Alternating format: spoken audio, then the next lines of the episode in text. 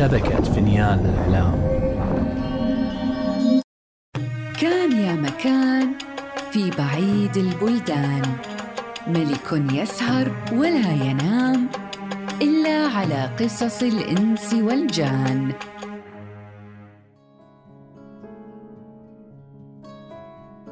وبلغني أيضا أيها الملك السعيد أن الأمير هاشما قد تحدى أبا مريم أنه قادر على تشتيت جيشه بأكمله وأنه باستخدام فرسه الطائر قد أخاف الجند فتناثروا يمينا وشمالا.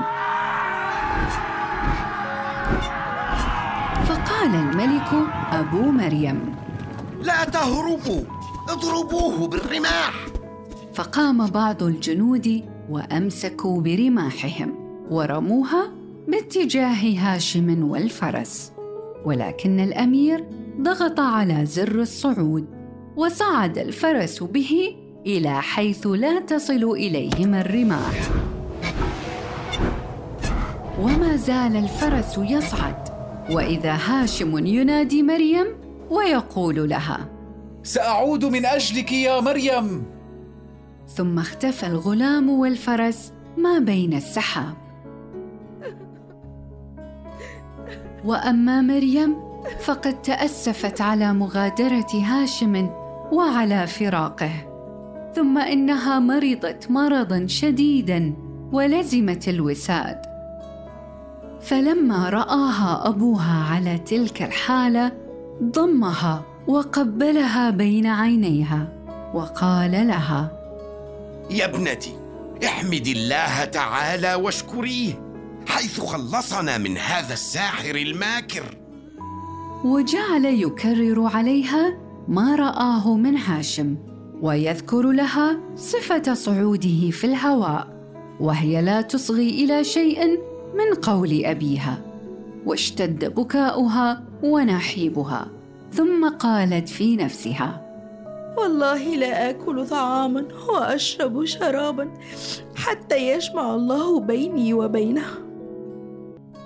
فحصل لأبيها الملك هم عظيم من أجل ذلك وشق عليه حال ابنته وصار حزين القلب عليها وكلما كان يلاطفها لا تزداد إلا شغفا بالأمير. هذا ما كان من أمر الملك وابنته. وأما ما كان من أمر هاشم فإنه لما صعد في الجو اختلى بنفسه وتذكر حسن مريم وجمالها وكان قد سأل أصحاب الملك عن اسم المدينة وكانت تلك المدينة صنعاء. ثم إنه جد في السير حتى أشرف على مدينة أبيه ودار حول المدينة. ثم توجه إلى قصر أبيه ونزل فوق السطح وترك فرسه هناك. ونزل إلى والده ودخل عليه فوجده حزينا كئيبا لأجل فراقه. فلما رآه والده قام إليه واعتنقه وضمه إلى صدره وفرح به فرحا شديدا. ثم إنه اجتمع بوالده وسأله عن الحكيم الذي عمل الفرس وقال يا والدي ما فعل الدهر به؟ لا بارك الله في الحكيم ولا في الساعة التي رأيته فيها لأنه هو الذي كان سببا لفراقك منا. وهو مسجون يا ولدي مسجون من يوم غبت عنا فأمر هاشم بالإفراج عنه وإخراجه من السجن وإحضاره بين يديه. فلما حضر بين يديه خلع عليه وأحسن إليه غاية الإحسان. وكان الحكيم يريد أن يتزوج بابنة الملك الأخيرة. فذهب إليها هاشم بنفسه ليسألها عن الأمر. ولكن ابنة الملك لم تقبل زواج الحكيم لأنها كانت تحب آخر. وكما فعل مع ابنتيه الاثنتين احترم الملك قرارها وكذلك أخوها هاشم. فغضب الحكيم من أجل ذلك غضبا شديدا وألقى اللوم على الملك وابنه وندم على ما فعل لأنه علم أن ابن الملك قد عرف سر الفرس وكيفية سيرها. ثم إن الملك قال لابنه الرأي عندي أنك لا تقرب هذه الفرس بعد ذلك ولا تركبها ابدا بعد يومك هذا لأنك لا تعرف أحوالها فأنت منها على غرور. وذلك لأن هاشما كان قد حدث أباه بما جرى له مع ابنة الملك صاحب تلك المدينة وما جرى له مع أبيها. لو أراد الملك قتلك لقتلك. ولكن في أجلك تأخير. ولكن هاشما قد هاجت بلابله بحب مريم ولم ينس وعده لها بعودته. فقام إلى الفرس وركبها وفرك لولب الصعود فطارت به في الهواء وعلت به إلى عنان السماء.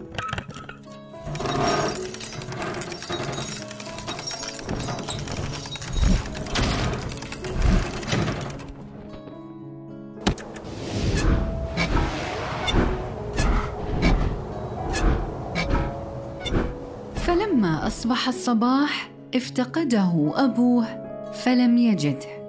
فطلع إلى اعلى القصر فنظر إلى ابنه وهو صاعد في الهواء. فتأسف على فراقه وندم كل الندم حيث لم يأخذ الفرس ويخفي أمره.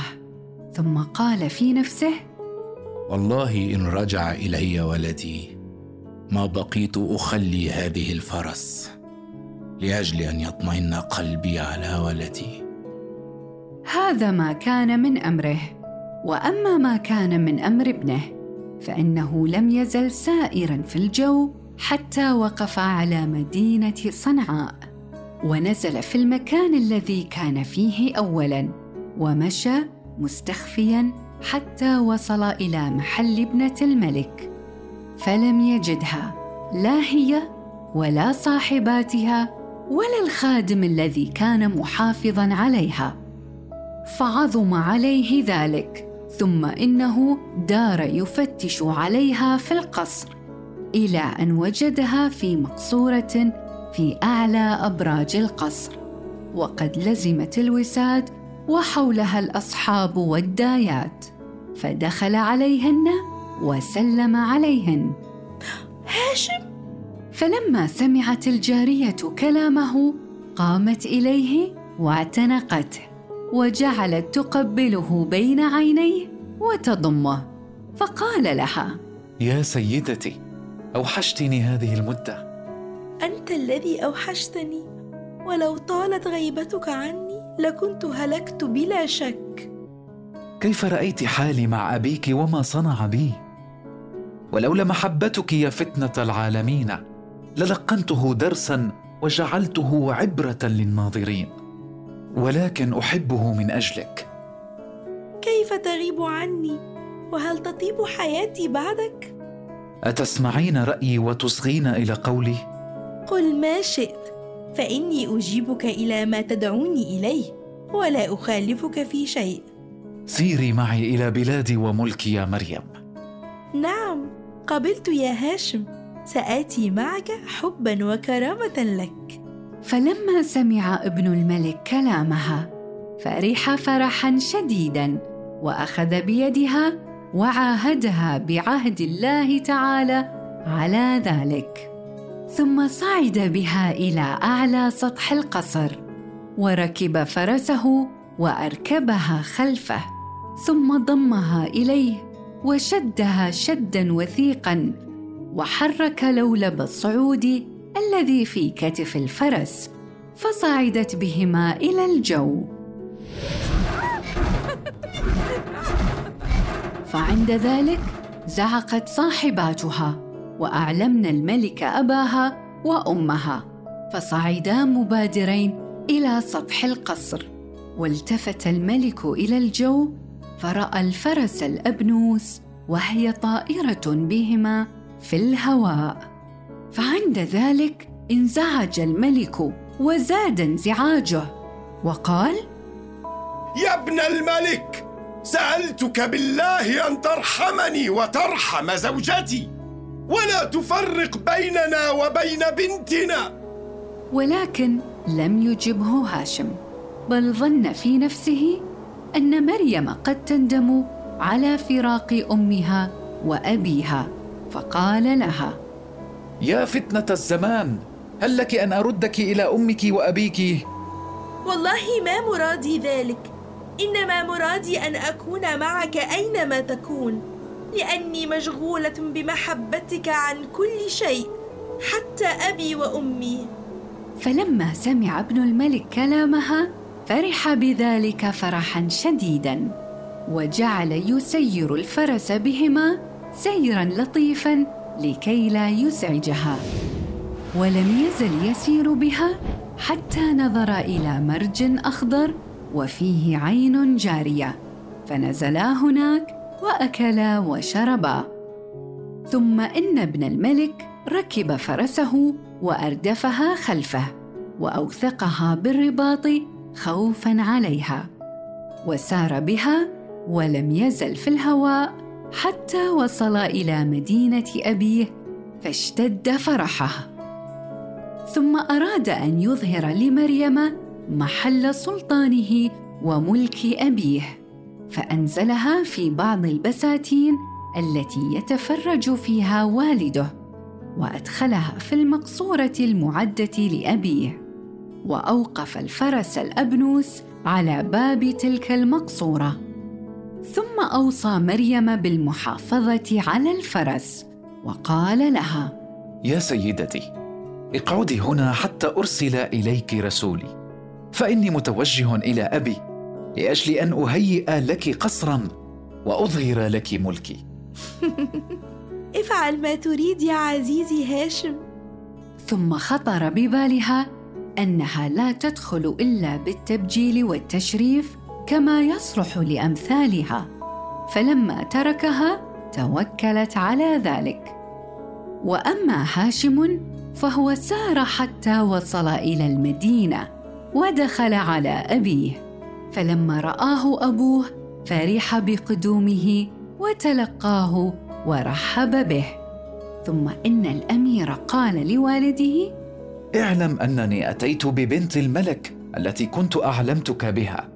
وقد تركتها خارج المدينة في بعض البساتين وجئت أعلمك بها لأجل أن تهيئ الموكب وتخرج لملاقاتها وتظهر لها ملكك وأعوانك وجنودك. فابتسم الملك ثم أمر من وقته وساعته أهل المدينة أن يزينوا المدينة أحسن زينة وركب في أكمل هيبة وأحسن زينة هو وجميع عساكره وأكابر دولته وخدمه. وأخرج هاشم من قصره الحلي والحلل وما تدخره الملوك. وهيأ لمريم عمارة من الديباج الأخضر والأحمر والأصفر وأظهر من الدخائر شيئا عجيبا. ثم أن ابن الملك ترك العماره بما فيها وسبق إلى البستان ودخل المقصورة التي تركها فيها وفتش فيها ولكن لم يجدها. مريم! مريم! فهلع الأمير وجعل يطوف في البستان وهو مدهوش العقل. فانتبه أن الفرس قد اختفت أيضا.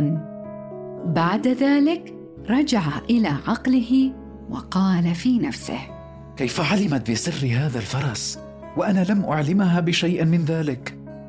فطلب حراس البستان وسألهم عمن مر بهم وقال لهم هل نظرتم شيئا مر بكم في البستان؟ فقالوا يا أمير الزمان ما رأينا احدا دخل البستان سوى الحكيم الفارسي فإنه دخل ليجمع الحشائش النافعة. وأدرك شهرزاد الصباح فسكتت عن الكلام المباح.